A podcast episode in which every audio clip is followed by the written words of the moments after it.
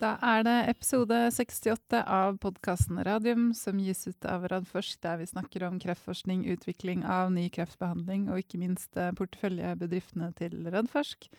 Velkommen i studio, Jonas Einarsson. Takk skal du ha, Elisabeth. Har håret lagt seg på plass? Du har vært litt stressa i dag. Det er litt ting som skjer i denne bransjen, så det er alltid, men vi rydder alltid plass i en podkast. Desember, som de fleste vet, er jo en måned hvor alt skal skje på jobb og privat. Akkurat som juni. Man blir litt tullerusk. Denne episoden heter Årsoppsummering. Ja. Vi tar den, vi tar den tidlig, holdt jeg på å si. Det kommer jo ofte litt sånn et i romjula, men eh, neste uke så får vi besøk av Eduardo Bravo fra Nordic Nanovektor, og med det så tar vi egentlig takk for oss. Tar litt uh, etterlengta juleferie fra podkasten i hvert fall. Ja. Ja. Eh, og så har vi hatt litt følere ute hos eh, ymse flinke folk som vi gjerne skulle hatt det her til å oppsummere året med oss, men eh, de har vært for travle. Og Ja. hatt andre hva kaller man for noe? Ikke obligasjoner, men Andre forpliktelser. forpliktelser heter det. Vi får klare oss. Ja, vi får klare oss. Men vi får ta skjedd siden sist, uh, før vi går på skjedd eh, i 2018. Uh, jeg har notert meg at det har vært eh, Nordic American Life Science Conference i New York. Den er vel hostet av DNB, Blant annet, ja. blant annet. Ja, og er på en måte mm, en mulighet for nordiske selskaper å møte amerikanske investorer. Ja. Så der har eh, Photocure, eh, Ultimovax og Torgvax vært til stede og presentert, og sikkert hatt en del én-til-én-møter. Det vil jeg tro og håpe. Eh, Jeg var ikke der, hadde ikke anledning til å reise i år, men jeg var der i fjor, og da hadde denne konferansen blitt veldig bra. Mhm. Eh, Faktisk ganske mye interesse der borte nå, så jeg har ikke fått noen tilbakemeldinger ennå fra de som har vært der, men eh, jeg er spent på å høre det. Jeg vil tro at de har hatt noen gode møter. Det skjer jo ikke noe sånn sett, men at de har vi klarer å gjøre Oslo Cancer Clusters porteføljebedrifter eh, bedre kjent, det er, det er viktig. Det er veldig viktig. Eh, apropos DNB, neste uke så er det jo Nordic Healthcare Conference her i Oslo. Ja. For jeg vet ikke hvor mange ganger. Jeg diskuterte med Øystein Saug i fjor, og jeg mente 10, og han mente 14, så ja. Skal ja, nok heller stole på han enn på meg, tror Ja, jeg. det startet i det små, Ja. eh, men er jo blitt eh, i Nordens eh, sånn eh, venture eh, listed companies, eh, altså børsnoterte selskapers konferanse, med, med veldig mye oppmøte fra, fra nordiske investorer.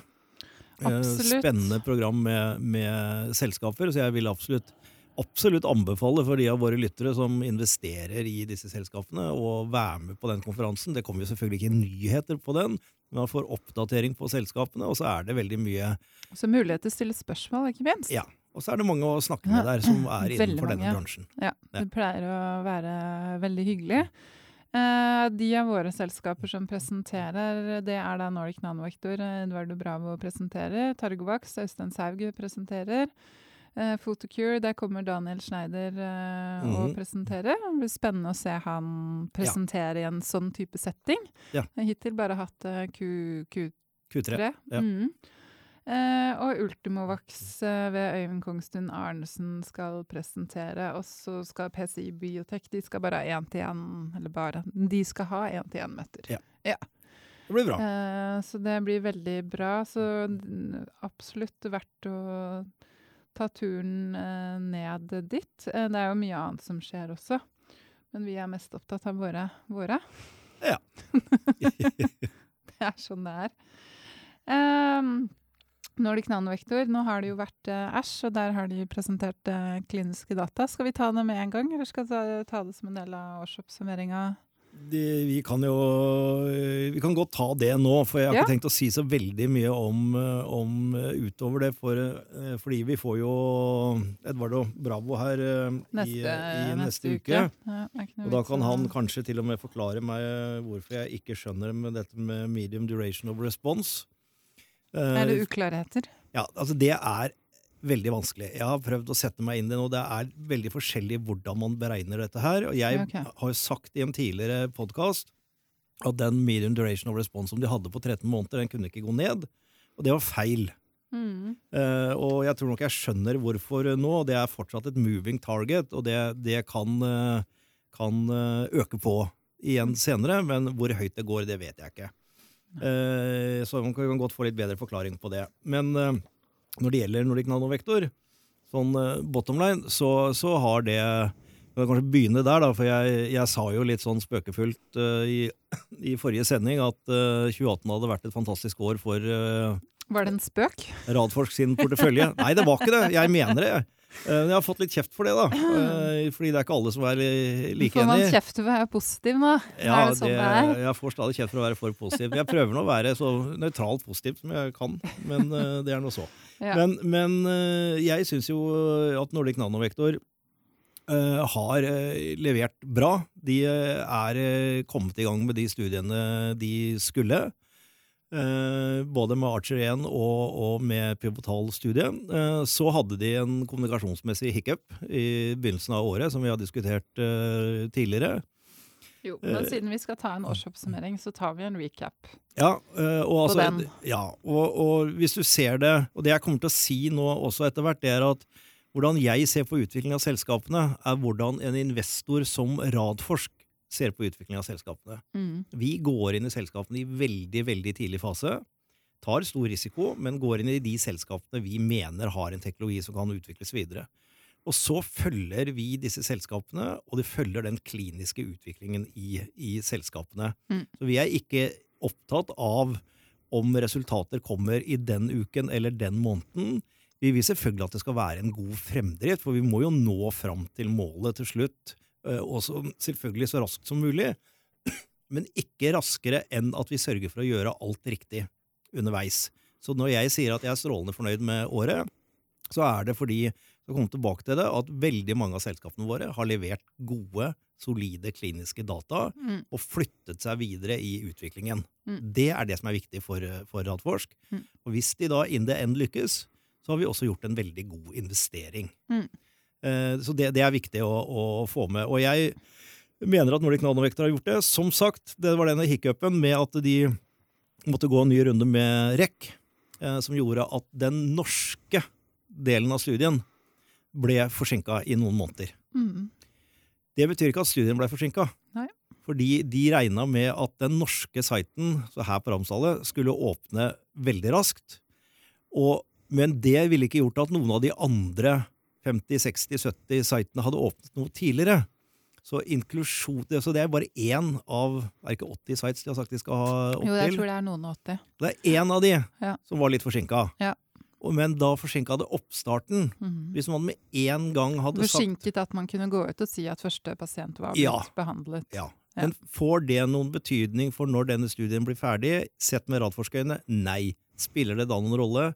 Nei. Men de, måtte, de skulle kommunisert det umiddelbart. Mm.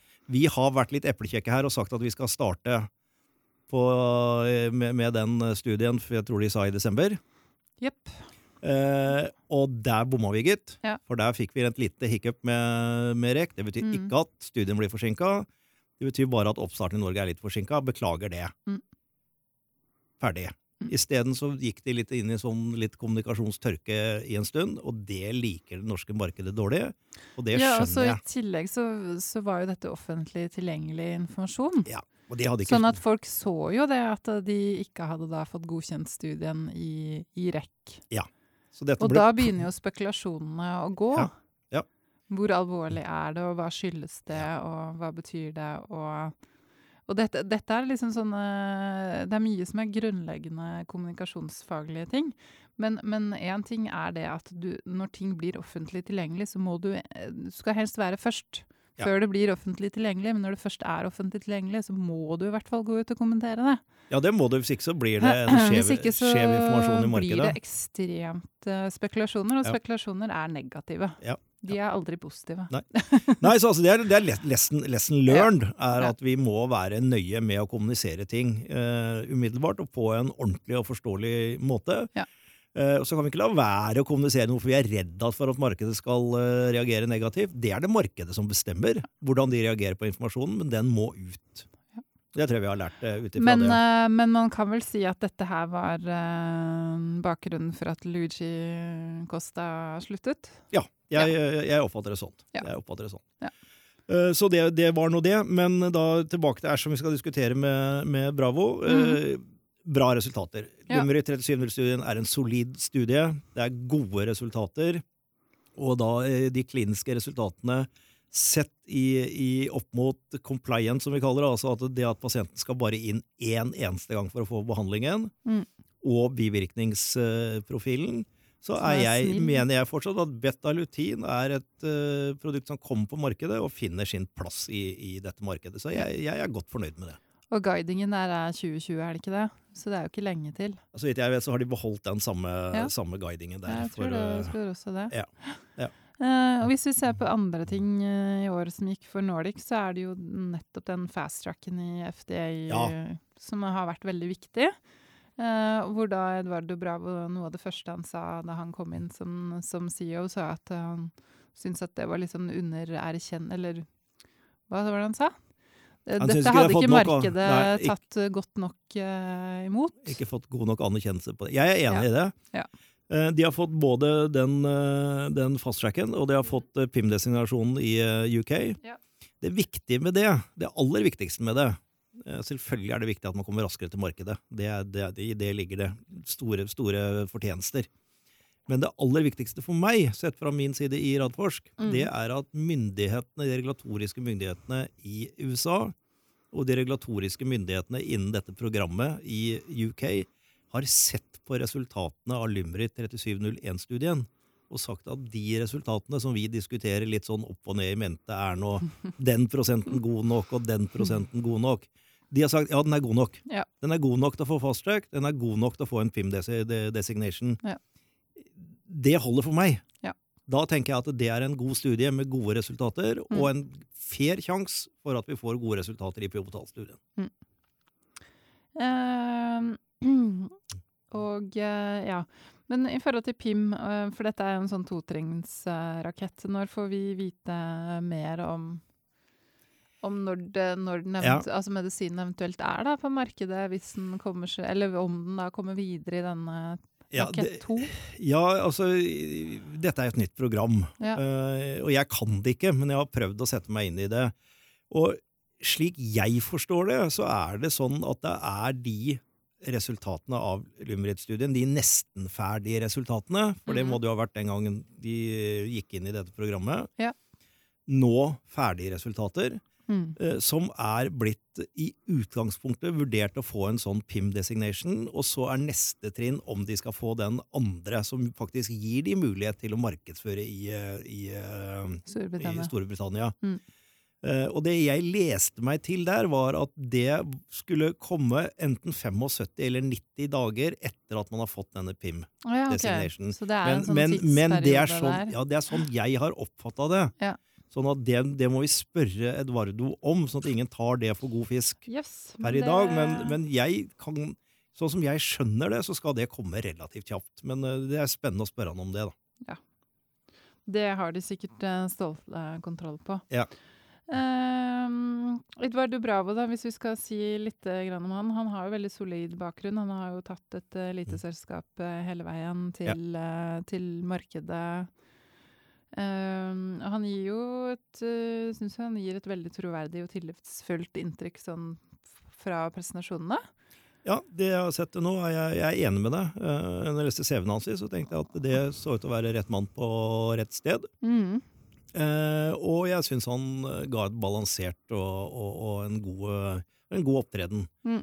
Syns jeg. Så får vi se videre. Men, men så langt ser det bra ut. Eh, skal vi rekke gjennom denne sendingen, så skal vi ikke gå så dypt ned i materien på alle selskapene. Så da tenker vi at det holder på Nordic, og så går vi videre til PCI Biotech. Ja.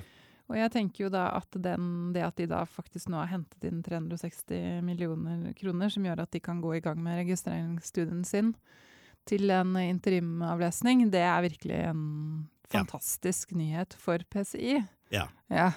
Det, og, og det, jeg Selv om det har vært mye greier rundt akkurat denne emisjonen Jo, det, det, det har det.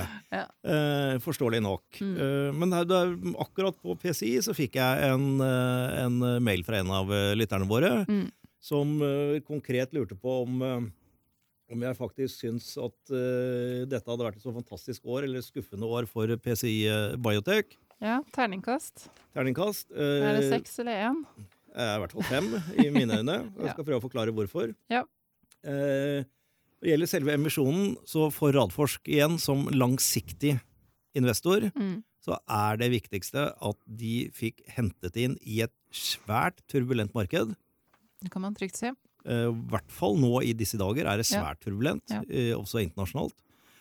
Eh, nok penger til å gjennomføre studien fram til avlesningsdataene. Mm. Eh, det er det viktigste for meg. Og så, i og med at vi er langsiktige og har tenkt å være det, så er svingninger, kortsiktige svingninger i kursen ikke så viktig for oss. Jeg skjønner at det er viktig for andre Mm. som investerer på helt andre måter. Men det når vi snakker om dette i, i, i denne podkasten, så Så er det er det sett konteksten. med Radforsk langsiktige investeringsøyne. Sånn at jeg, det, det er veldig viktig å få fram.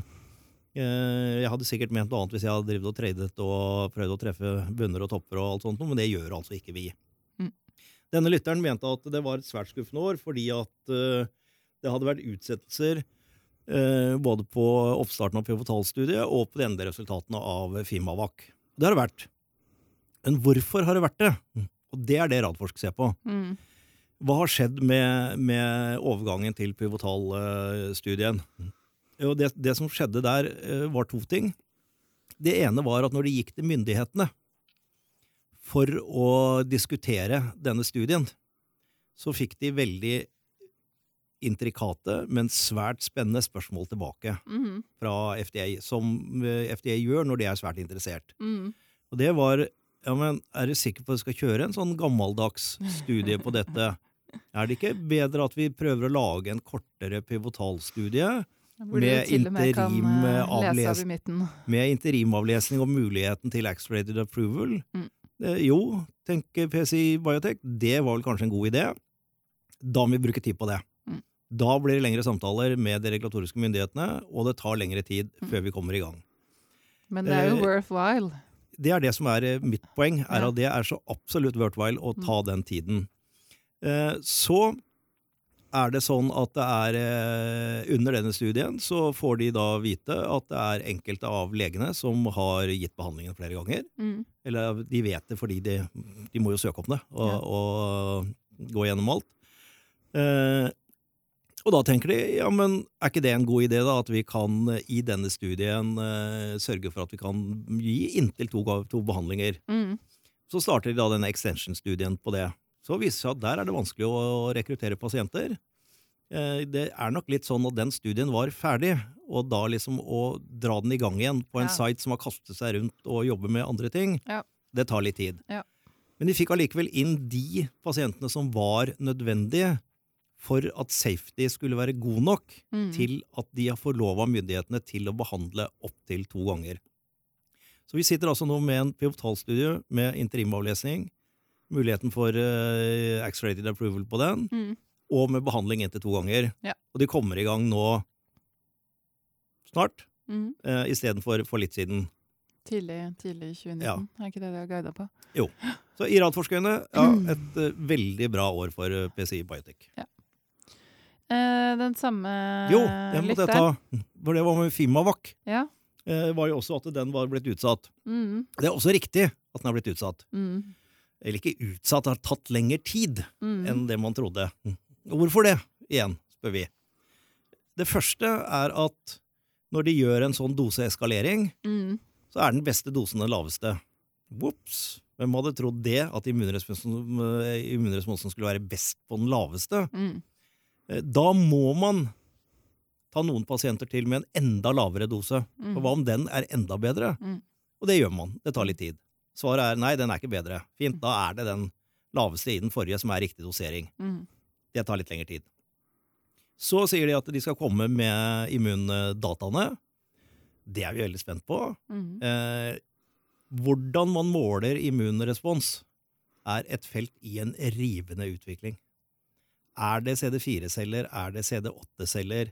Er det, har det noe innvirkning på T-reg-celler? Er det noen andre ting vi kan måle ut ifra eh, ny kunnskap, som vil kunne overbevise Big Pharma eller andre at de skal lisensiere inn dette? Mm. Kan et lite selskap som PCI Biotech gjøre alle disse analysene selv? og at de blir troverdige nok hvis de bare publiserer de selv. Mm. Eh, neppe, sier PCI Biotech til, til seg selv, og kontakter eh, Sjor van der Burg og hans eh, gruppe i Leiden, som er en av de mest anerkjente Mm. vi har i verden, og sier kunne du tenke deg å gjøre disse analysene sammen med oss, og publisere det sammen med oss? Mm. Og han sier ja til det. Da tar det litt lengre tid. Ja. Fint. For da blir det enda bedre resultater. Ja. Så igjen, det er jeg strålende fornøyd med. Om de kommer De har sagt at de regner med at dette skal være ferdig i løpet av året. Mm. Da er det tolv børsdager igjen. Skal jeg sitte og telle ned 11, 10, 9, 8, 7 børsdager, og så er det katastrofe hvis ikke de kommer eh, siste børsdag før nyttår. De kommer eh, 14. januar isteden. Nei, spiller ingen rolle. Mm. Det er hvordan de resultatene ser ut. Det er det jeg vil se på. Eh, enda et spørsmål fra den lytteren her. Er det på det prekliniske samarbeidet med, Ultivo, med Ultimovax? Eh, og da er spørsmålet når man kan forvente at samarbeidet går over i klinisk fase. Um, og om du kan ko egentlig kommentere litt rundt Fimavac og kommersielle potensialet, spesielt i forhold til om eh, det er en metodikk som kan brukes på alle typer eh, kreftvaksiner. Ja, når det gjelder hvor lang tid preklinikk tar, Mhm. Nei. Helt umulig å svare på. Mm. Han spurte tar det én måned, tre måneder eller ti år. Har ikke peiling. Det er Nei. helt avhengig av hvilke resultater man får, hvordan man velger å gå videre. Når vi starter selskaper, så har vi som regel 10-15 år preklinisk eh, forskning bak oss før vi starter selskapene. Mm. Eh, og, men vi vet at vi skal i klinikk med noe. Men noe må andre deler av plattformen, som f.eks. her, med Fimanak og andre, skal fortsette i preklinikk. Og det kom som sagt, det er helt umulig å spekulere i hvor lang tid det tar. Mm. Så det, det kommer når det kommer, hvis det kommer. Mm. Det er de fleste prekliniske uh, forsøkene og utprøvingene som gjøres, de legges på hylla. Mm. Så det, det, det, er, Det er liksom- naturlig. Det er litt sånn lykketreff at du Ja. liksom treffer der. Men teknologien er så spennende at jeg har jo god tro på at det kommer noe ut av det. Mm. Det har jeg for all del. Når det gjelder kommersielle, kommersielle potensialet til, til Fimak, så tror jeg ikke jeg skal uttale meg om det. Fordi eh, det, jeg vet for lite om hvordan eh, man tenker seg det, det brukt. Men, men at det er behov for bedre adjuvans Mm. enn den eh, GMCSF-en som brukes nå av alle. Den er fin, den, Mm. men den har sine svakheter. Mm. Med at den kan være med å trigge litt allergiske reaksjoner. Det er litt med hvem produserer dette stoffet, og er det tilgjengelig, og en del sånne ting. Så, så noe som er bedre og skaper enda bedre immunrespons, vil det være behov for. Men akkurat hvor mye, det vil ikke jeg spekulere i. Ja, men så bra. Ehm, jeg, jeg har også notert meg i forhold til PCI at jeg syns det er veldig gøy å se at de tross alt har kommet så langt som det de har gjort nå, etter at de måtte avslutte hode-nakke-studien sin. Ja. Som veldig mange hadde veldig store forventninger til. Ja, jeg også. Og som jeg vet at veldig mange av aksjonærene ble altså, ja, skuffa, sinte, vondbråten, lei Ja. seg. Altså hele det negative følelsesspekteret. Eh, så, det, så jeg tenker sånn, det, det er ikke så lenge siden de avsluttet den, og allerede nå er det, skal de i gang med en registreringsstudie, så her har jo ting tross alt gått fort. Ja da, Hvis man skrur tilbake til det, mm. eh, og hvis man hadde gått inn i PCI Biotech på de laveste kursene når etter, etter at de stoppa den eh, studien, så har man antagelig hatt en ålreit reise og, og vil kunne få det framover. Mm. Vi som stifta selskapet for tolv år siden, eller noe sånt, og vi har jo vært Ja. med på noen opp- og nedturer eh, underveis. Sånn er det her. Men Ja. vi er nå standhaftige og er fortsatt en stor eier, og tror at vi nå får en god reise. Eh, ja. Da kan vi jo gå videre på Targovax. Eh, Det er ikke så lenge siden Øystein Saug og Torbjørn Furuseth var i studio uh, og oppdaterte. Men uh, der tenker jeg jo særlig at det er den plattformen de utvikler innenfor onkolytiske virus som virker veldig lovende. Det er, eh, det er uten Mm. tvil den mest hotte eh, Først kom checkpoint-inhibitorene, Mm. og så kom det andre typer checkpoint-inhibitorer. Først da, da som med CTLA4, og så ble den på en måte litt sånn erstatta, men også i kombinasjon med, med Ketruda, Pembro, Pembrolizumab og, og disse nye. Etablerte seg som en behandling. Det har skjedd i løpet av de siste årene. Mm. Eh, og så er det nå etablert at man trenger å Noe gjøre annet. noe annet Mm. med, for å hjelpe immunsystemet der hvor immunsystemet ikke er aktivt før man gir checkpoint-inhibitorer. Mm. Det er nå i løpet av egentlig dette året så har man satt to streker under det svaret, at Mm. det trenger man. Og det som har kommet lengst der, det er onkolytisk virus. Mm. Der har det vært eh, gjort noen eh, dealer som eh, jo for andre som har onkolytisk virus, er lovende. lovende. -hmm. Eh, og så må da eh, de nå vise at deres onkolytiske virus er minst like godt som de andre som har kommet videre. Og hvis man ser på T-vekt, som er den første eller den eneste som har kommet til markedet, så, og ser på dataene så langt, så kan nok det se ut som at det kan være minst like god, om ikke, ikke bedre. Og hvis de får data på det, så vil de i mine øyne kunne være en potensiell eh, oppkjøpskandidat eller en samarbeidsavtale rundt videre utvikling av onkolytisk virus. Men data er pending. Vi venter Mhm. på, på mer data. Vi har fått litt.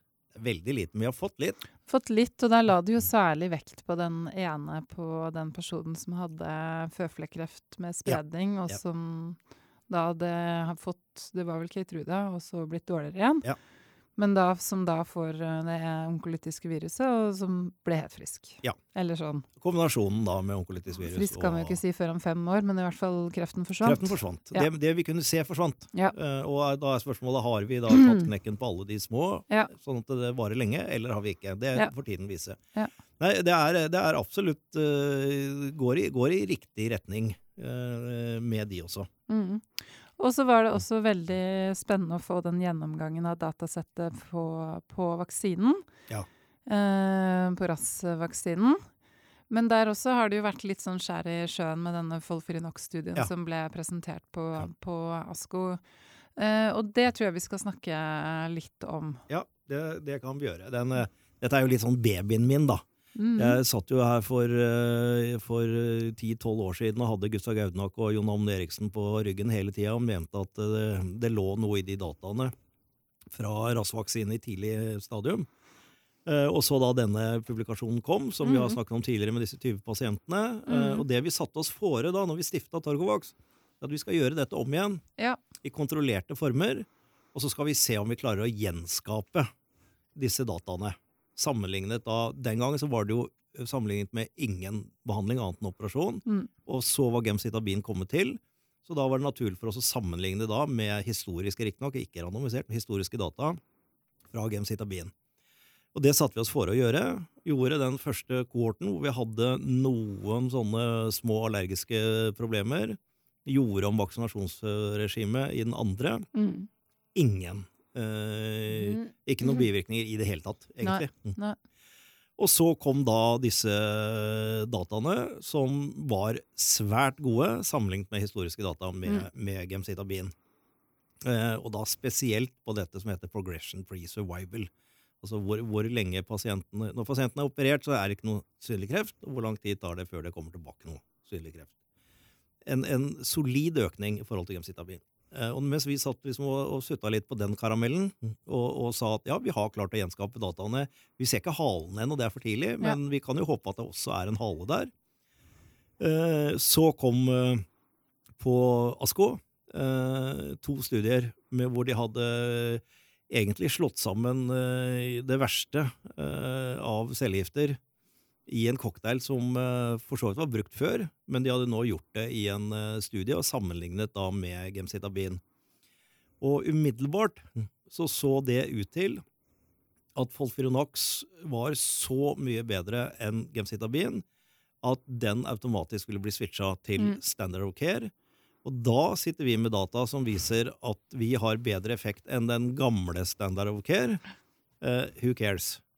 Ikke sant? Eh, så det var en litt for, sånn da, for da måtte man startet på nytt og testet da med Mot- ny standard of care. Så ja. det var litt sånn Og med, med da standard of care, som er, mm, så ut som mm, i utgangspunktet mye lengre effekt, og Ja. altså en mye lengre og mye større studie. mm. Det var ikke mulig for Targovax å gjøre, sånn, øh, å sette i gang den studien de hadde planlagt. Jeg syns de gjorde det eneste riktige kommunikasjonsmessig da, uten å gå inn og analysere Folfironox-studien, eller prøve å finne ut ja, men øh, kanskje det er sånn eller sånn, og at våre data likevel og sånn. Så sa de bare nå har denne kommet. Mm. nå kan ikke vi kjøre den studien vi hadde planlagt. Vi må ta en pust i bakken. Vi kommer tilbake med hvordan vi har tenkt å gjøre dette videre. Mm. Det er selvfølgelig en smell for selskapet, en smell for kursen, men en ærlig, redelig. Ja, så vet man som aksjonær hva man har å Ja. forholde seg til med en gang. Så det syns jeg var en god kommunikasjon Ja. fra selskapets side. Jeg mm. tenkte med en gang at ja, kunder ikke, for jeg begynte å studere disse dataene, og jeg har masse innvendinger mot uh, Folfirinox-studien.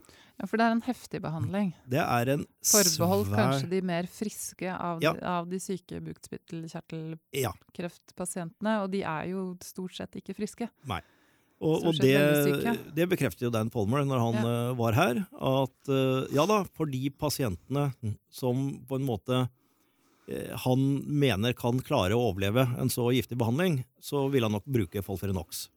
Men det er slett ikke alle. Eh, og og det, er, det er det ene. Eh, og hva gjør man da med de andre? Jo, de får gemcitabin. Mm. Mhm, ok, da er vi tilbake til gemcitaminbehandlingen. Eh, og så var spørsmålet ja, men den gemcitabin-armen, den var jo svært bedre resultater enn alle tidligere eh, som hadde fått, eh, eh, hadde fått gemcitabin tidligere. Mm. Eh, og det er nok riktig, men de pasientene, hvis jeg har skjønt dette riktig, det er slik jeg tolker det, alle sånne forbehold på det, men slik jeg tolker det, og det jeg har snakket med Dan Palmer om, så er det sånn at de pasientene som havnet i den armen med gemcitabin, og som fikk raskt tilbakefall, men allikevel var i stand til å ta imot Folfirinax-behandlingen, de fikk den etterpå. Mm. Og hvis det er riktig, så blir den sammenligningen epler og pærer igjen. Ja. Så, men, men uansett, Folfirinox-studien kom, det var disse gode dataene. Hvis du sammenligner Folfirinox-studien og tar den bare akkurat som den er, og ser på den kontra den studien vi gjorde med TG01 og gemcitabin, så er progression free survival lik. Den er Mm. på 19,5, hvis jeg husker riktig, i TG01-studien, og 20,1 Mm. i eh, Folfinox-studien.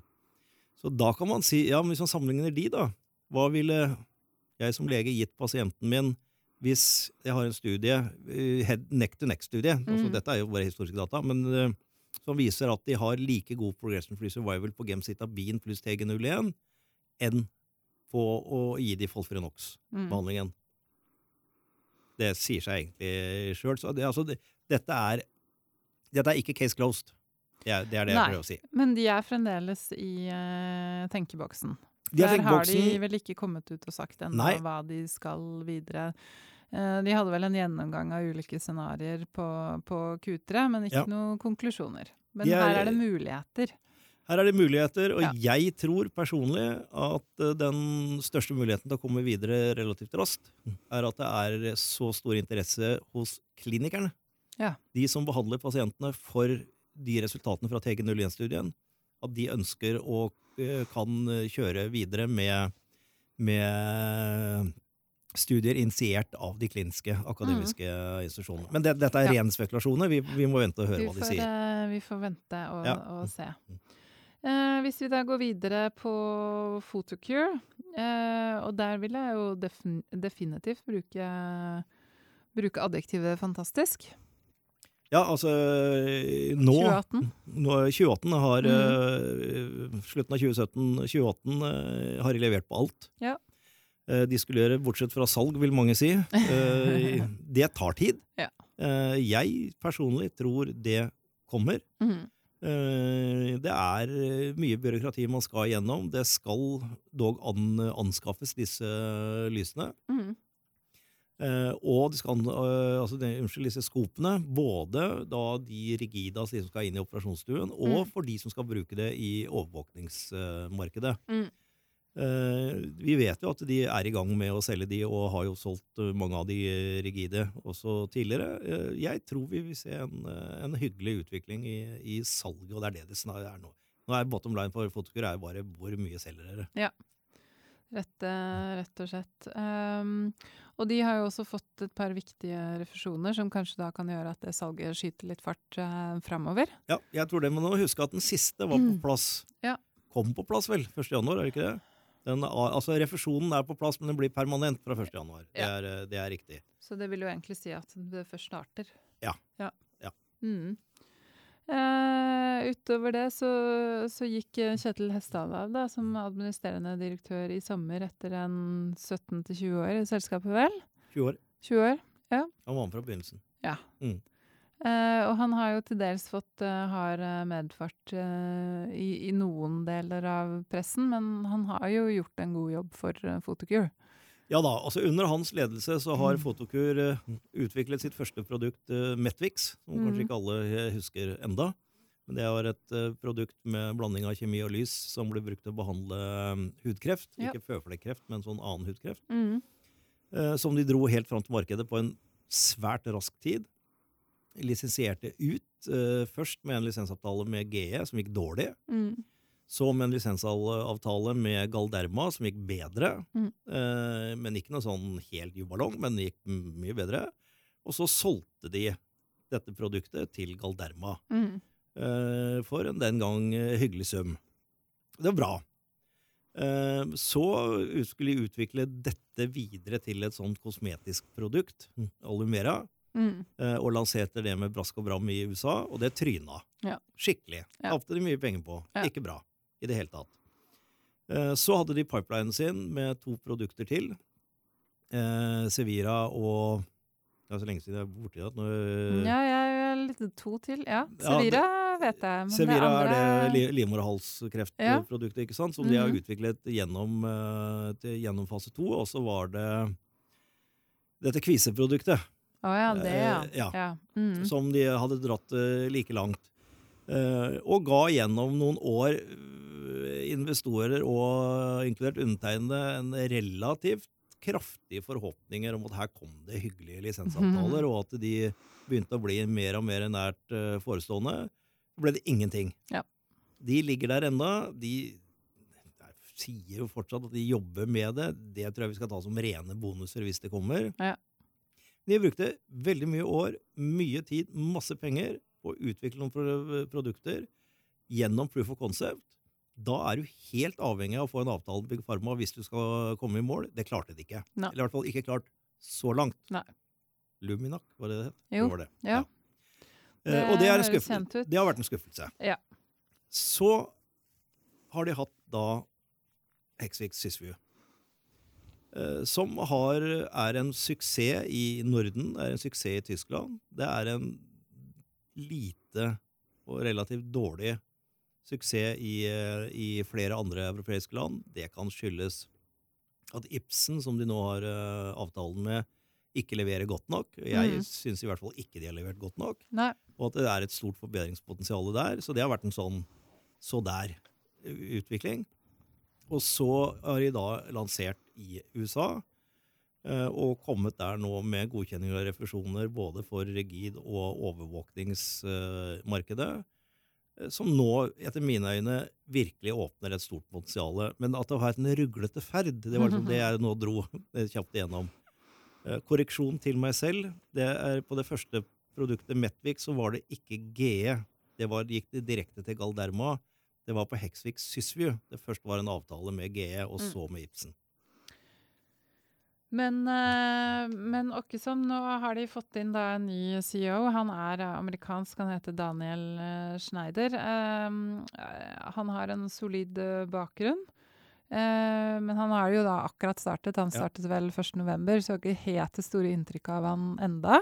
Jeg fikk ikke vært til stede på den ene ene Nei. presentasjonen han var på. Jeg har bare kikket på det på TV også. Det er ja. et eller annet med å se, se folk ja. live. Så det blir spennende å se han neste uke på, på DNB. Det blir veldig spennende. Eh, da har vi dratt gjennom de, eh, de børsnoterte selskapene. Da tenker jeg vi kan gå over på de selskapene i Radforsk-porteføljen som ikke er børsnoterte. Vi, og da kan vi gjerne starte med Ultimovax. Da var jo Øyvind Kongstun Arnesen og Hans Vassgaard Eid her i podkasten forrige uke, så jeg tenker vi trenger ikke gå sånn veldig dypt gjennom de. Men det, det som jeg syns var morsomt å se, da, var jo at um, de etter podkasten har blitt intervjua av ei journalist i eh, det er en norsk journalist som skriver for Reuters eh, internasjonalt, så Ja. der har jo de fått et stort og fint eh, oppslag. Eh, Reuters er jo ikke hvem som helst innafor eh, media.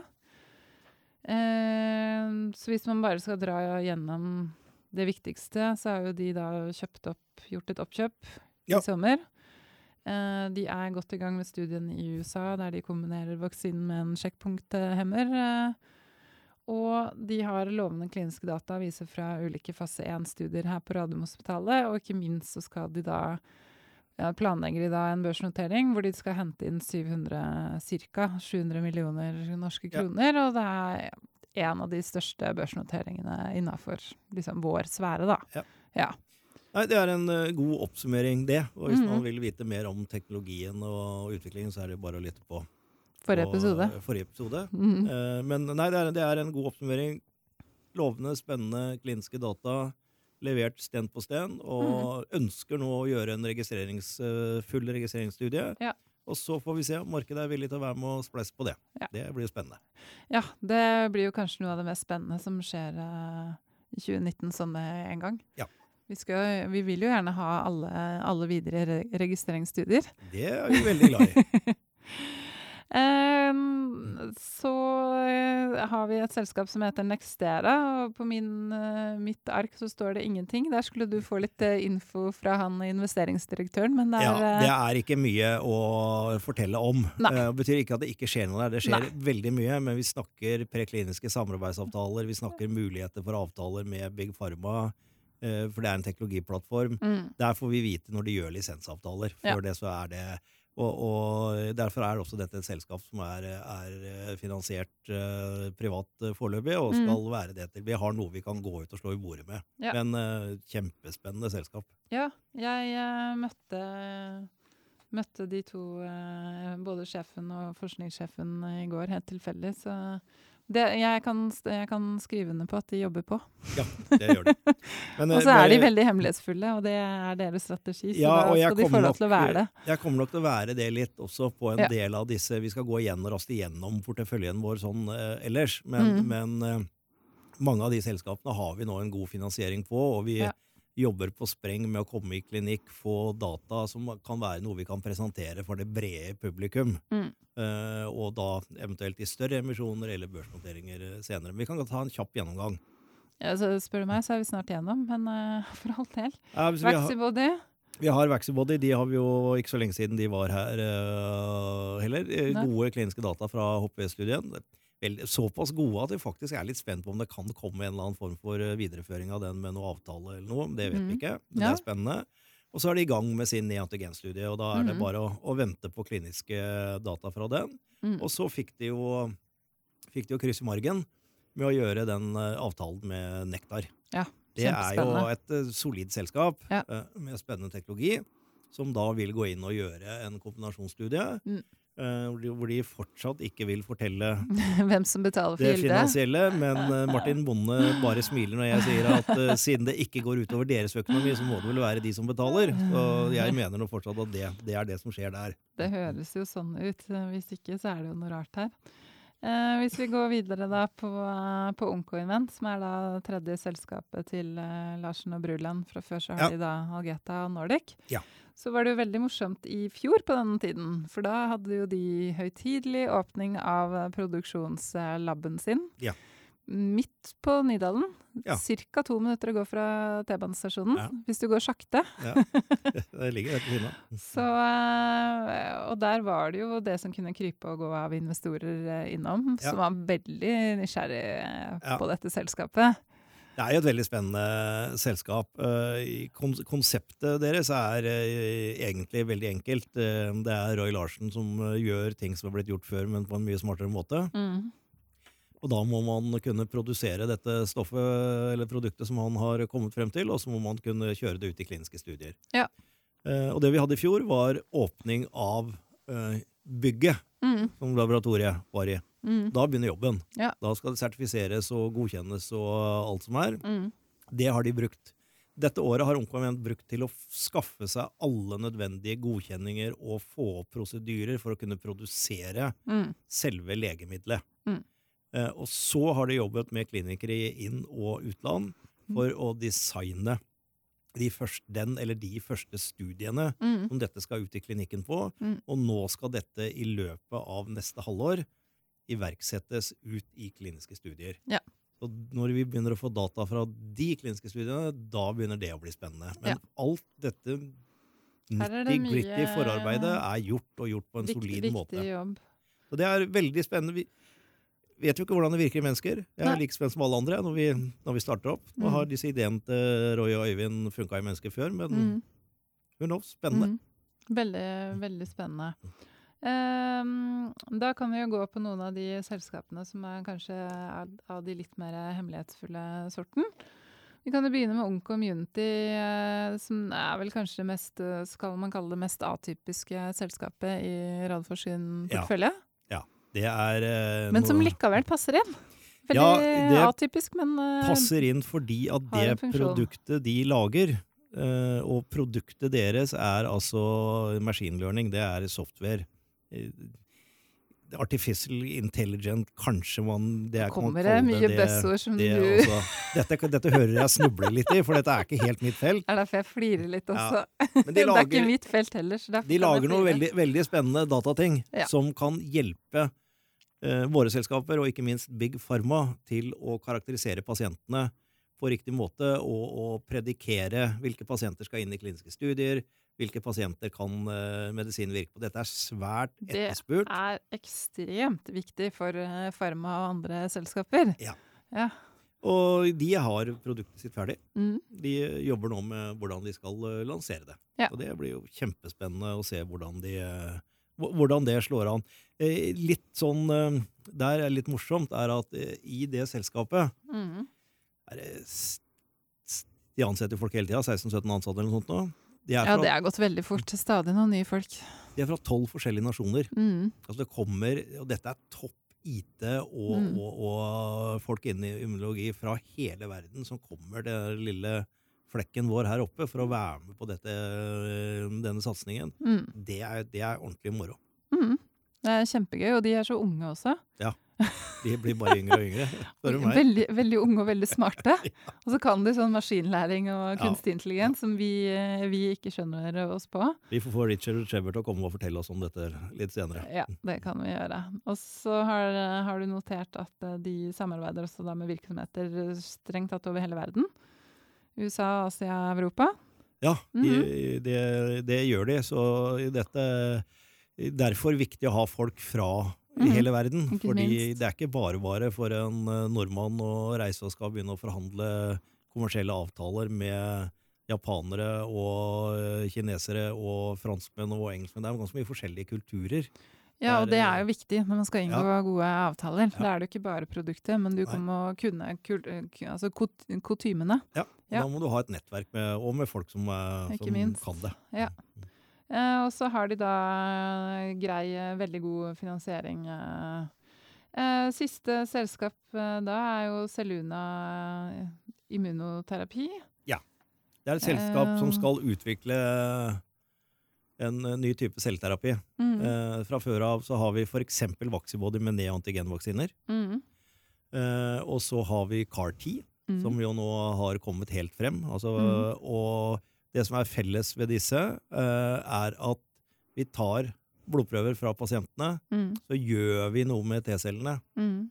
og så dyrker vi T-cellene, og så setter vi det tilbake i pasienten. Mm. For at de Det da er- skal gjøre jobben med Ja. å ta ut kreftcellene. Det er selvterapi. Yep. Og Celluna skal utvikle sin eh, versjon av dette med Mm. T-celler med en såkalt TCR, T-cellereseptor. Mm. Eh, og vi får sikkert høre etter hvert hvordan det går. Eh, men de i hvert fall har jo snakka om internasjonalt eh, management. Ja. Ja, og, de har jo, og det tror jeg vi har snakka om i podkasten også. De Ja. fikk jo inn en, en, en eh, veldig dyktig medisinsk direktør. Ja. Mm. Nå har husker de- ikke farta hva han heter. ikke Hassan? farta, men Miguel Forte. Namir? Namir Hassan? Namir Hassan, ja. Ja. Mm. Eh, og så er det Miguel Forte, som er, Mhm. er CEO der. Eh, og hele, egentlig Celleterapienheten heter det. Mhm. Staben der nå i, Ja. i Seluna er svært imponerende. Det, det er veldig moro å se at vi har folk fra både mellomstore og store selskaper med relativt høye posisjoner, Mm. som, som eh, ikke får de samme betingelsene i våre oppstartsselskaper som de får der, men de får muligheten til å være med på noe, og de Ja. kommer og er med. Det er, det er ordentlig gøy. altså. Det er kjempe, kjempegøy. Så her får vi bare vente og se. Em, det jeg har satt opp på programmet da, er at vi kan snakke litt om altså markedet innenfor kreft. Altså i 2018, åssen har det vært? Så hvis vi først eh, ser det på farmasiden, som da er jo en stor aktør Mm. uh, i, i dette markedet, hva er det som har kjennetegnet? Ganske mye oppkjøp, Ja. det, det har det, og i relativt uh, tidligere faser. Mm. Eh, sånn som jeg tolker vår del av den sektoren, så satser alle nå på, på denne bremsesiden. Mm. eh, og stort. Veldig mange som jobber innenfor checkpoint-monitorer. Og så var det jo veldig mange som uh, kastet seg på denne IDO-bølgen, Mm. som er en slags annen form for sjekkpunkthemmer, for å ja, ikke mm. gå mer detalj på det. Det gikk ikke så bra. Nei. Eh, og var den vel enda en eh, indikasjon på at det holder ikke bare å fjerne bremser, vi må gi gass. Mm. Eh, og det åpner mulighetene for våre selskaper. Mm. Så det jeg ser ut fra som jeg tolker Big Pharma, så er de på jakt etter det. Så har onkolytisk virus på en måte etablert seg som et av de verktøyene. Mm. For der har det vært mye store oppkjøp. Ja. Ja. Og så banker vaksinene på døra, men Mhm. der venter man på enda mer kliniske data. Og Mm. kanskje disse TG01-dataene, når de er blitt uh, gjennomtygd, og Mm. Ultimovax får ferdig sine publikasjoner om sine Mm. første fase 1-2 kliniske studier, at det kan være nøkkelen som kan åpne den døra. Mm. Så, så sånn sett så virker Pharma innenfor onkologi, de satser fullt ut. Jeg har ikke noe tro på at de ikke kommer til å fortsette med det. Så at. Big Pharma er der i, i markedet eh, på den siden, nasjonalt og internasjonalt, det er jeg Mhm. ganske trygg på. Det jeg ikke er trygg på, er eh, når vi skal ikke, hente pengene ikke gjennom Big Pharma, men ute i markeder. Ja. Nå svinger det hele tida. Akkurat nå er det svært turbulent. eh, og det er Og der klart eh, skylder vi på Putin og Trump, gjør vi ikke det? Geopolitikken. vi, vi gjør, Jeg gjør i hvert fall det til dels, så vi Mm. ser liksom en, en uh, oljepris som uh, går fra et lavmål og opp til over 80 dollar, og så nå dupper under 60 dollar igjen. Og så er det spørsmål hva Putin og BMS har snakket om eh, i, i dette siste møtet. Og, BMS. Ja, det, BMS. BMS, er ikke det han heter? hvem da? Bin Salam, eller SBM? Ah, ja. SBM, kanskje? Jeg er dårlig på forkortelser. Eh, Kronprinsen i Saudi-Arabia. Bin Salam. Ja. Det- Jeg vet ikke hva han heter. MBS er det kanskje. Ja, samme det. Eh, eh, sånn at det er eh, det er en del usikkerhet nå, og så Ja. ser vi jo også her på hjemmebane eh, at kursene svinger eh, veldig mye. Uh, og noen ganger uten at Uten man helt helt kan forstå forstå Uten at det har vært noen nyheter eller uh... Ja, og så er det da denne jeg, Dette kan ikke jeg, men det var eh, Leif Askvik som fortalte meg i går om denne fryktindeksen. mhm. Eh, som eh, når den eh, svinger, Tipper et visst punkt. tipper et visst punkt, Ja. så, så er det sånn tegn på at det er stor Ja. usikkerhet i, i markedet. Så, Mm. Men dette kan jo snu til uka. Ja, det er jo det som er med disse biotek-aksjene. At Ja. de, de går veld, veldig opp og ned. Volatile har jeg lært meg da. Prøver å fylle opp og fylle, Prøver å viske ut den svarte boksen min eh, innafor finans. Og så er det jo mange som trader. Ja. For her er det jo, kan det jo da være kjappe penger, eh, ikke sant? hvis du treffer riktig. eh, Ja. Det er ingen, Eh, ingen, rett ingen tvil. Det hadde, det hadde sikkert vært morsomt å være trader i biotek eh, i, i Norge. Både morsomt og frustrerende, antagelig. For det Ja. er, det er ikke lett å vite hvor du skal treffe. For det er, det er, det er ikke lett å forutsi hvordan markedet reagerer Nei. på ting. Veldig Nei, ofte så ser vi at det blir sånn forventningsrally når et av selskapene har sagt at de skal komme med data. Mm. Eh, og da stiger kursen masse før det, og så kommer dataene. Og så Og selv om de er kjempegode. selv om det er bra data, så er det ikke så bra som mange tenkte. Mm. Eh, og da får du en dipp etter det. Da er det mest spennende for meg å se etter den dippen har kommet, ligger den da høyere eller lavere enn det det var før forventningsrally begynte. Ja. Men, men igjen, det er substansen i dataene fra selskapet som teller for oss. Eh, og så henger jo alt sammen med alt eh, her. Og sånn som nå så så jeg akkurat med liksom, boligprisene går ned, man skjønner ikke helt hvorfor. Er det nå en justering i boligmarkedet? Altså all, med økonomi så spiller jo alt sammen med alt. Ja. Så med liksom renter og Ja. ja. Og det må Og jeg- vi bare leve med. Og så, men ikke minst da når du har på en måte de verdenslederne som du har nå, som ikke akkurat eh, sitter på hendene sine, for å si det, Det mildt. Den mest stabile Eh, gjengen. Jeg har levd noen år, og jeg må jo si at jeg har, jeg har levd i mer stabile tider enn dette. Ja. Med mer stabile, forutsigbare ledere, ja. ja. De rasler litt eh, her og der, litt mye. Um, men hvis, eh, hvis vi skulle ønske oss noe for å bygge denne bransjen i Norge, så hadde det vel vært at man kunne få tiltrukket seg flere internasjonale investorer, altså spesialistinvestorer. Ja, uten, uten tvil. Ja. Det, det skulle vi gjerne hatt mer av. Mm, det kunne stabilisert uh, Ja. biotekmarkedet, i hvert fall. Ja. Ja. Men der fikk jo, eh, fikk jo PCI inn eh, det nederlandske selskapet, som jeg Ja. ikke husker navnet på i farta. Og så har du Healthcap, som har vært inne og er inne i en del av selskapene. Eh, Så der gjelder det vel egentlig bare å jobbe på. Og så tenker jeg at vi må jo gi en, eh, hva er det ungdommene sier, en shout-out til eh, en del av disse norske velstående familiene, altså family officesene, Ja. som har gått inn i en god del av selskapene her. Eh, Og danner en solid investorbase Mm. når vi skal gå ut. Og Ultimovax er jo det ultimate eksempelet Ja. på det, hvor vi har eh, mange av de til stede. Og de har jo, når vi nå skal forsøke å gjøre en børsnotering der, så har jo de signalisert en betydelig interesse for å være med og støtte selskapet videre. Og det er klart Ja. at det er viktig. Det er kjempe, eh, kjempeviktig, den signal, signaleffekten de da har. Og dette er jo ikke noe hvem som helst. Det er Sund-familien, det er Wilhelmsen, det er Gjelsten, det er Kanika med, med Hagen, og det er Fredriksen. Så Ja. Nei, det er solid. Absolutt. Eh, det vi også da kan snakke litt om, er eh, året som har gått innafor eh, både kreftforskning, klinisk utvikling og, og behandling. Ehm, det aller, aller, aller viktigste er jo nobelprisen i immunterapi. Uten tvil. Jeg syns Øyvind Arnesen sa det veldig fint her. De fikk nobelprisen fordi de fant på noe som virka. Ja. Det er ikke alltid. Det er ikke alltid. Det er, eh, vi har jo, altså Man har klødd seg i huet i 100 år for å Er det ikke mulig å få immunsystemet til å faktisk eh, Eller, eller virker immunsystemet Ja. på, eh, På kroppens egen eh, behandling av kreftcellene? Og Mm. svaret er ja. Mm. Og det var det de viste. Mm. Og det åpnet jo hele Det de gjorde, Mhm. åpnet jo hele immunterapimarkedet Mm. for oss når vi tenker fra markedssiden.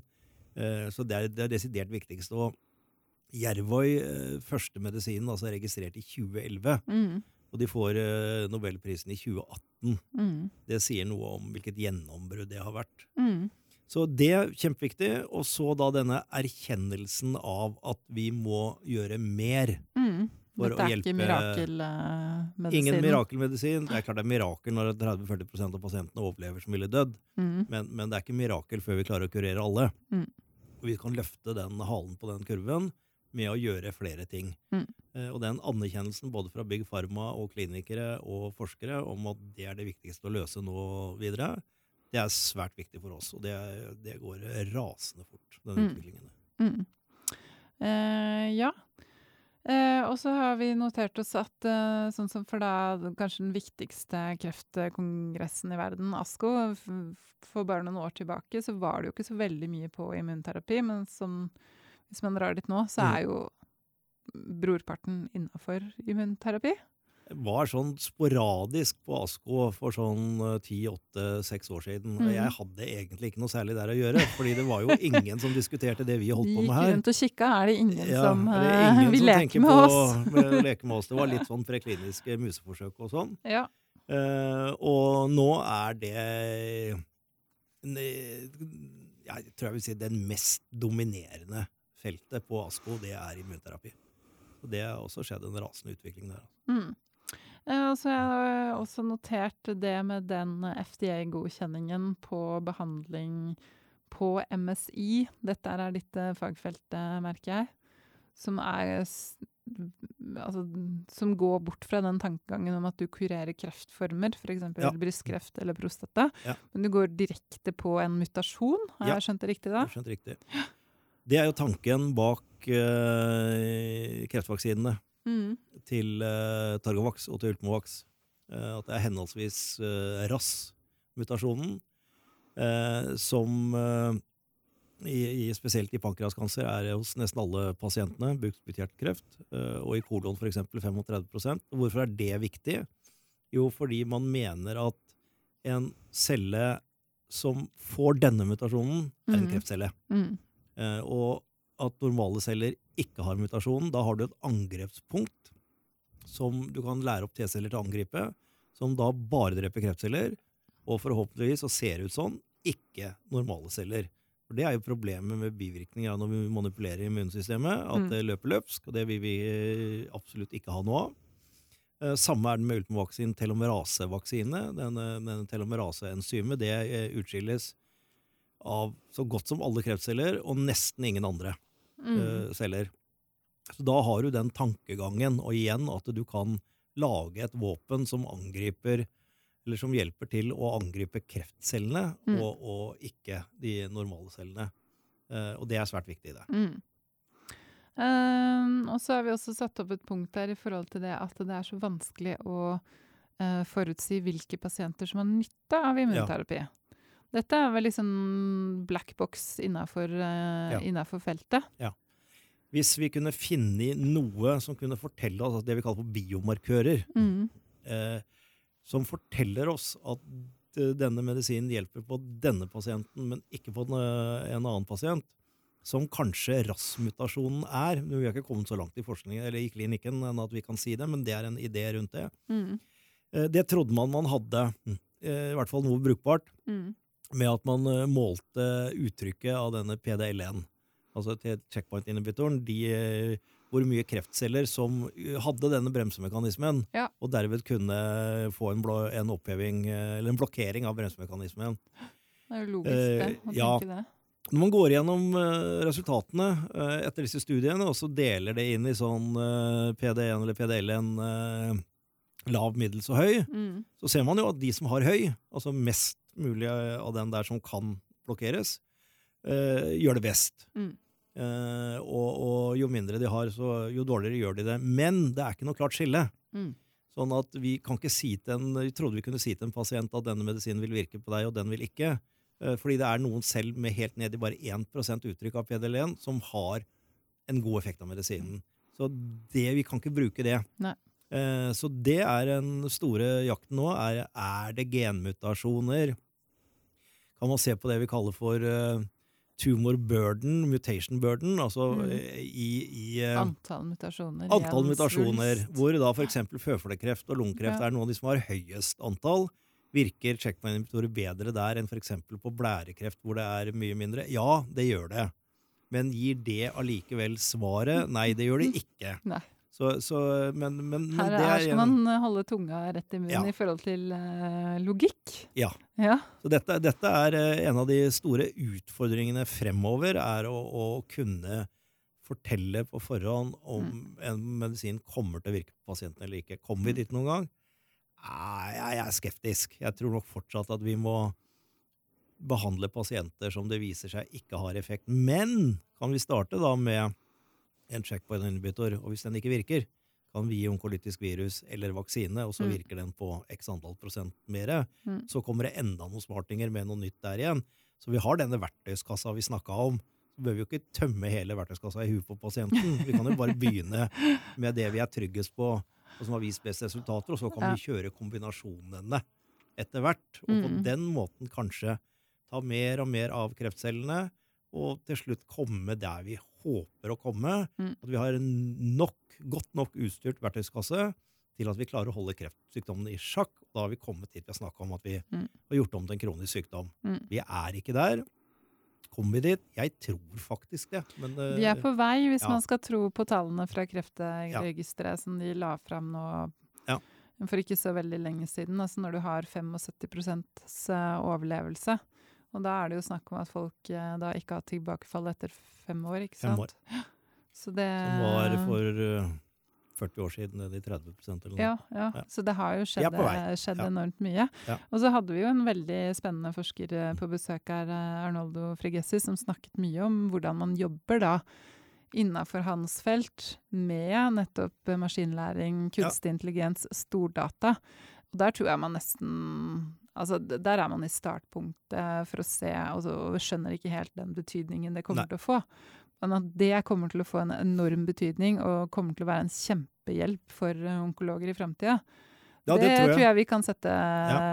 et par hundrelapper på, i hvert fall. Ja, jeg tror, tror det, og der, der får du litt sånn at de kaller sånn merging of sciences. Yes. Så her kommer plutselig matematikken skliende inn fra sidelinja og skal hjelpe immunologien og onkologiforståelsen.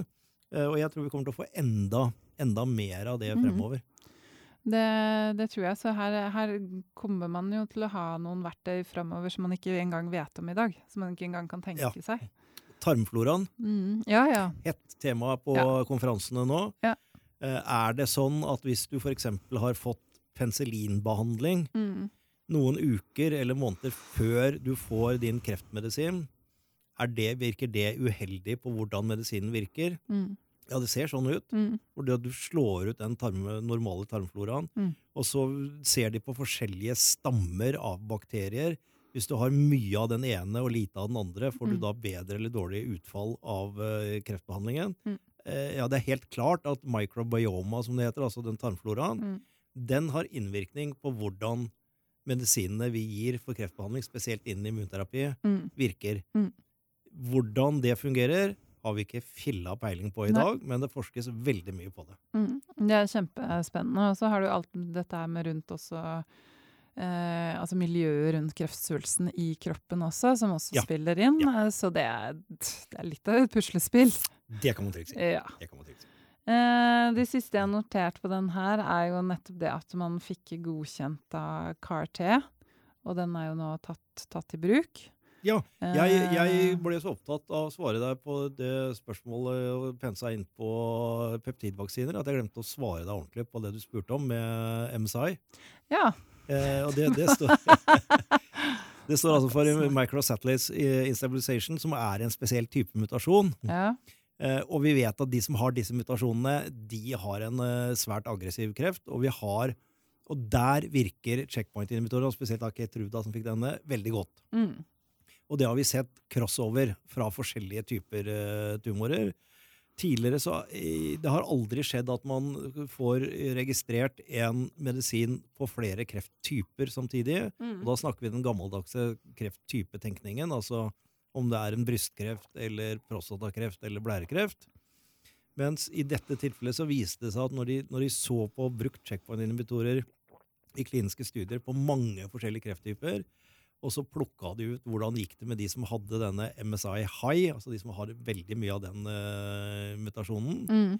de gikk det veldig bra med. Ja, ikke sant. Uh, og da gjorde FDA at de sa at pasienter som har denne mutasjonen og den høyfrekvente delen av de, altså MSI high, de får lov til å bruke denne medisinen uavhengig av hvor svulsten sitter. Og det er en Mm. såkalt biologisk indikasjon istedenfor for anatomisk indikasjon. Mm. Det åpner jo mulighetene for Det er derfor jeg spora av til våre peptidvaksiner. Ja, ja, ja. Det åpner jo absolutt mulighetene for de.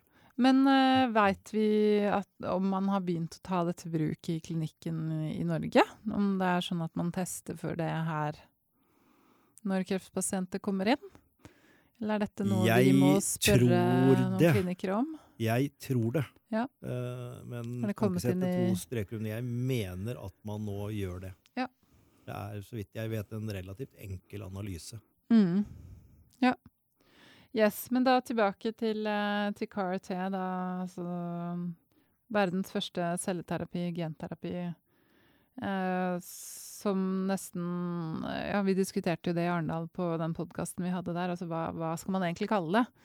Ja. Eh, er det en Det er jo ikke en ren kreftbehandling. Her går man jo inn som du sier, og tar ut celler og manipulerer de og, og gjør det man skal med de, og så setter de inn Ja. igjen. Så det er jo en Det er en immu- immunmoduleringsterapi. Og det er jo en engangsforeteelse, i hvert fall Ja. sånn som man ser det for seg nå. Ja, fordi altså når man har satt disse T-cellene inn, Inn. i kroppen, Mm. så, det, så kan du ikke avmedisinere. Du kan Nei, ikke stoppe medisin. Den, den, den, den, da produserer de T-cellene hele tiden. Mm. Og det er jo det som har vært, vært eh, på en måte frykten i dette. Ja. Fordi det er jo at hvis du, hvis du gir en medisin til en pasient, sånn som checkpoint inhibitor for eksempel, Mm. og den får kraftige bivirkninger, og immunsystemet begynner å løpe løpsk, så kan du behandle eh, det, de bivirkningene der og da med steroider eller hva du bruker. Mm. Men så slutter du å gi medisinen. Så Mm. når du har behandla de T-cellene som har lø vært løpske, så er det ikke flere igjen. Men når du, gjør, når du bruker celleterapi, Mm. så har du først satt den inn, så kan du ikke slå den av igjen. Mm. Og hvis den da gjør for mye ugagn, så får du problemer med, med bivirkningene. Nå Mm. ser det ut som det går ganske bra. Ja. Eh, absolutt. Hvis ikke så hadde den jo ikke blitt eh, godkjent. Klinikerne det virker som de veit hva de skal gjøre, i hvert fall, når man får en sånn voldsom eh, immunreaksjon. Ja, men, Mhm. men du må altså kunne forutse at mm. når du gjør den type behandling, enten det er CAR-10 eller TCR som Selvina skal gjøre, mm. så må du ha Du må eh, data å eh, bygge på som sier at høyst sannsynlig så er disse T-cellene vi setter inn igjen, de gjenkjenner kreftceller og dreper de, og dreper ikke normale celler. Mm. Det er liksom målsettingen. Når det funker, så funker jo dette utrolig bra, da. Altså, Mm. Det er den eh, CAR- CAR-10 CD19 til eh, Novartis hos eh, blodkreft hos barn. mm, Resultatene er jo bare helt fantastiske. mm. Ja, for dette er jo da barn hvor man har prøvd det man har tilgjengelig Ja. behandling. Og hvor de ikke responderer på det. Så dette her har jo da vært en sånn siste, siste mulighet, hvor da noen har, har faktisk eh, altså overlevd på grunn av det. Selvfølgelig ikke alle, men sånn, sånn er det eh, Men jo veldig mange veldig mange. av de som er behandla. Så det er Ja. Vi eh, skal jo ha et, være med på et seminar i regi av Novartis og Thermo Fischer. Og LMI. Og LMI i januar. 15. 5. januar. 15. ja. Mm. Da skal vi høre mer om dette. Ja, er det er spennende. akkurat de tingene vi skal snakke om, og ikke minst hvordan man da fikk disse kliniske studiene Ja. til, eh, til ikke bare til Norge, men til eh, Oslo universitetssykehus. For her gikk det jo da kliniske studiene både på barn og voksne. Ja. Eh, og det var ganske mye man måtte ha, ha tilgjengelig her. Eh, av infrastruktur for, Ja. å få det, for å få det til. Så det er den historien som skal eh, fortelles der, og ikke minst også hvordan disse Ugelstad-kulene, som jeg syns er veldig fascinerende, en Ja. norsk oppfinnelse tilbake fra 1974 på NTH, Ja. hvordan de er, liksom, de er helt avgjørende for at denne behandlingen eh, fungerer. Ja. Så det er de tingene. Og så skal vi snakke med noen politikere videre om hvordan skal man altså, få enda flere av disse historiene. Ja. For det er uh, godt nytt for norsk helsenæring. Eh, hvis vi ser litt videre på hva som har skjedd eh, Nå har vi snakka mye internasjonalt, men hvis vi går til Norge eh, Kanskje noe av det viktigste som har skjedd da innenfor kreftbehandling, er vel at man har fått oppretta dette kreftekspertpanelet. ja. Ja. Og det, man kunne jo nesten kalt det Kreftpanelet, for det er, kommer jo til å være kreftpasienter eh, I all hovedsak Ja. vil det være det. Men det Jeg tror det er 99 det er i Danmark som Ja, det er det. Ja. Ja.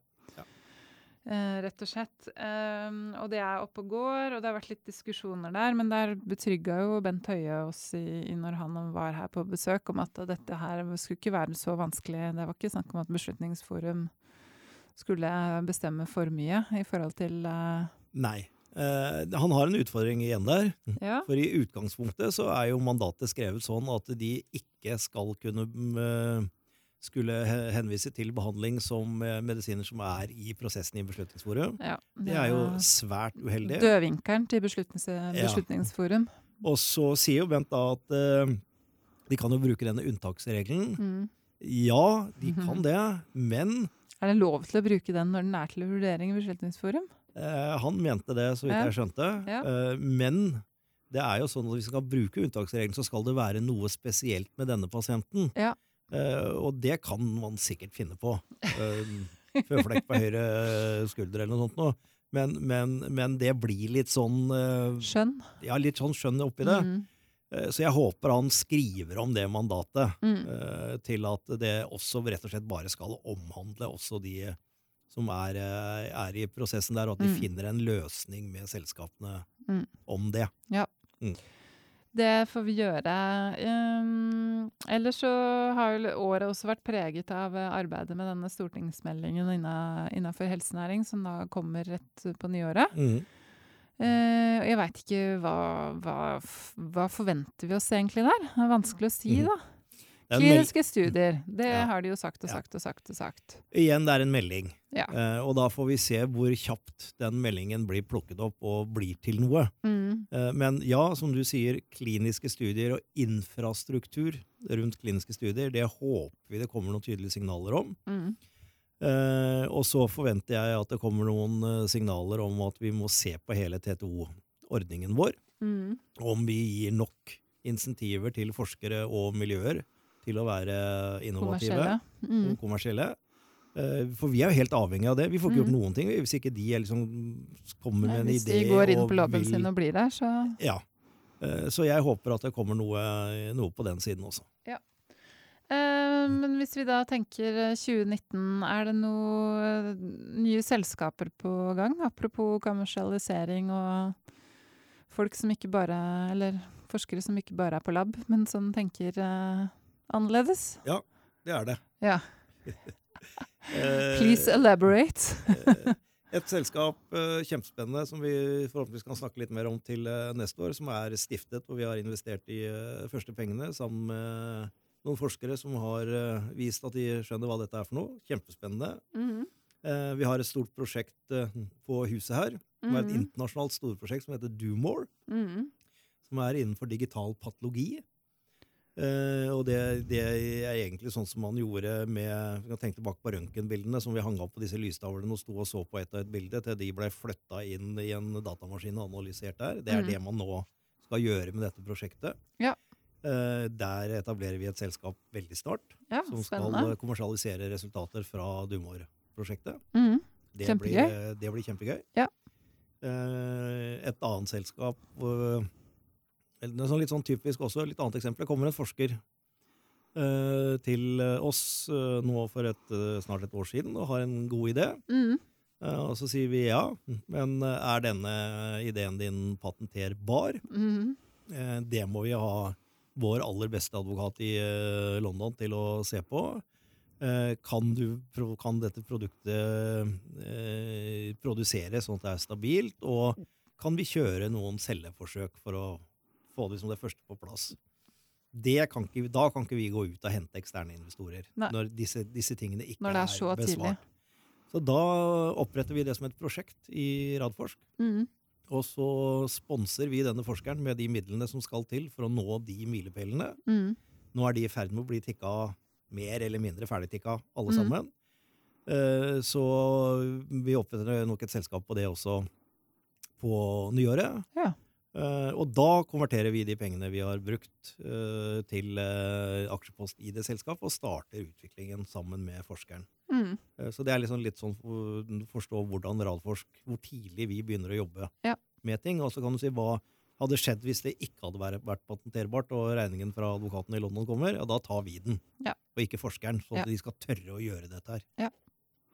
Ja, men så bra. Da har man noe å se fram til der. Jeg ser at tida går. Um, et spørsmål som vi må ta med fra en lytter, det er hva er grunnen til at Radforsk har redusert beholdningen i Photocure med 180 000 aksjer? Jeg fikk en del spørsmål om det på tirsdag formiddag, det kan du trygt si. Jeg møtte, møtte inn. han tidligere sjefen også, som lurte fælt på hvorfor du Ja. driver og selger deg ut av Photocure så fælt. Ja, det, det hagla inn. Eh, lærdommen av dette er at vi Må guide. sammen, nei, sammen med selskapet må opplyse når vi låner ut aksjer til opsjonsordningen. For det var det vi gjorde. Så vi har ikke solgt en eneste aksje. Vi har bare lånt de ut for at det skal gå eh, smoother med å innløse og selge aksjer i forbindelse med opsjonsordning, og så får vi tilbake samtlige 183 000 aksjer.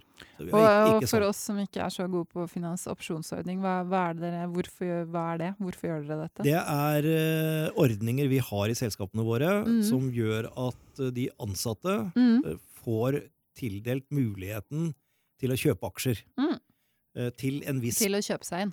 Til å kjøpe seg en til en viss pris, og så Ja. løses dette ut til en viss tid og til Mm. en viss pris.